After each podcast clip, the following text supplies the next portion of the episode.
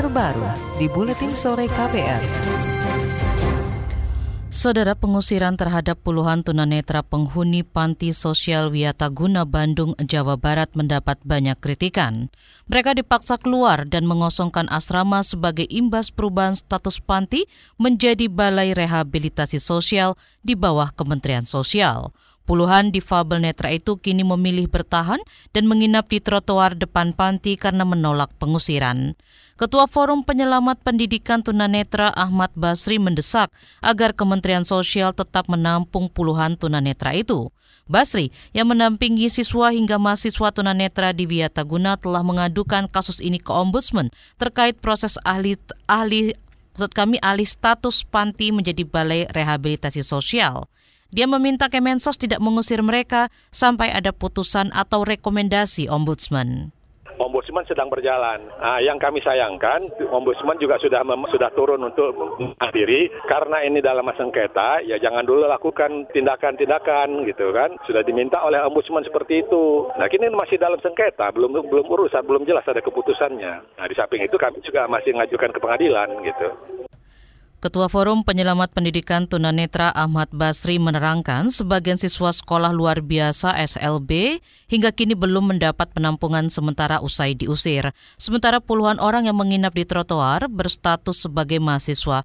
Mereka menuntut alih status panti menjadi balai dibatalkan. Pasalnya, para difabel netra nantinya hanya bisa mendapat fasilitas pendidikan dan lainnya maksimal selama enam bulan. Kementerian Sosial membantah melakukan pengusiran terhadap puluhan difabel tunanetra penghuni asrama Wiyataguna di Bandung, Jawa Barat. Kepala Balai Rehabilitasi Sosial Wiyataguna Sudarsono mengatakan sosialisasi soal alih status sudah dilakukan sejak tahun lalu.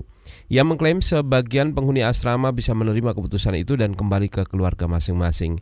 Ia mengatakan Balai rehabilitasi akan fokus pada pendidikan vokasi yang diberikan selama enam bulan. Skema ini dianggap lebih adil agar banyak penyandang tunanetra lain yang juga bisa menikmati fasilitas negara. Kami sudah terminasi di 27 Juni. Kami akhiri semua yang 130. Eh, Dari 130, yang 65, yang resos tidak ada masalah mereka pulang kembali ke keluarganya kami berikan bantuan sesuai dengan apa yang mereka dapatkan pelatihan di sini. Sisa yang 65 yang ini tidak mau keluar. Yang sesungguhnya ini harusnya keluar karena kami harus merekrut yang baru untuk mengisi sisa 45 itu. Itu tadi saudara pengurus dari Balai, maksud kami Kepala Balai Rehabilitasi Sosial Wiataguna di Bandung, Jawa Barat, Sudarsono.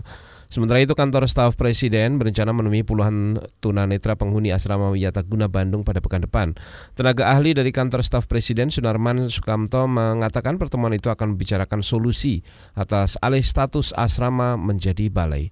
Meski begitu, Sunarman mengklaim peralihan status itu sudah sesuai dengan prosedur. Ia mengatakan Balai Rehabilitasi Sosial nantinya akan menampung penyandang disabilitas dari berbagai daerah di Indonesia. Balai itu akan bersifat nasional dan bukan lagi sebagai panti yang bisa digunakan untuk tinggal selama bertahun-tahun. Pemerintah Provinsi Jawa Barat bakal menampung puluhan penyandang tunanetra asrama Wiyataguna di fasilitas Dinas Sosial Cibabat, Cimahi. Kebijakan itu untuk memenuhi tuntutan para difabel yang masih ingin memperoleh fasilitas negara. Namun menurut Wakil Gubernur Jawa Barat UU Ruzanul Ulum, tidak semua penyandang tunanetra itu bakal ditampung di sana. Pemprov bakal menyaring para difabel yang berhak menerima manfaat fasilitas Dinsos Cibabat.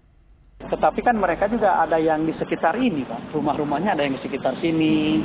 Kemudian juga dilihat menurut informasi yang kami terima orang tuanya juga ada yang ya berkecukupan gitu. Kemudian juga ada yang bilangnya di sini kuliah setelah dicek ke universitas atau perguruan tinggi bersangkutan dia sudah tidak kuliah sekian semester dan yang lainnya. Wakil Gubernur Jawa Barat UU Ruzano Ulum menekankan Pemprov berkomitmen memenuhi hak para difabel. Namun dia mengingatkan agar mereka juga taat aturan jika ingin mendapatkan layanan. UU mengklaim kelonggaran selama setahun bagi penyandang tunanetra untuk tinggal di asrama sudah lebih dari cukup. Langkah yang diambil Pemprov dan Pemkot Bandung dianggapnya telah sesuai dengan prosedur.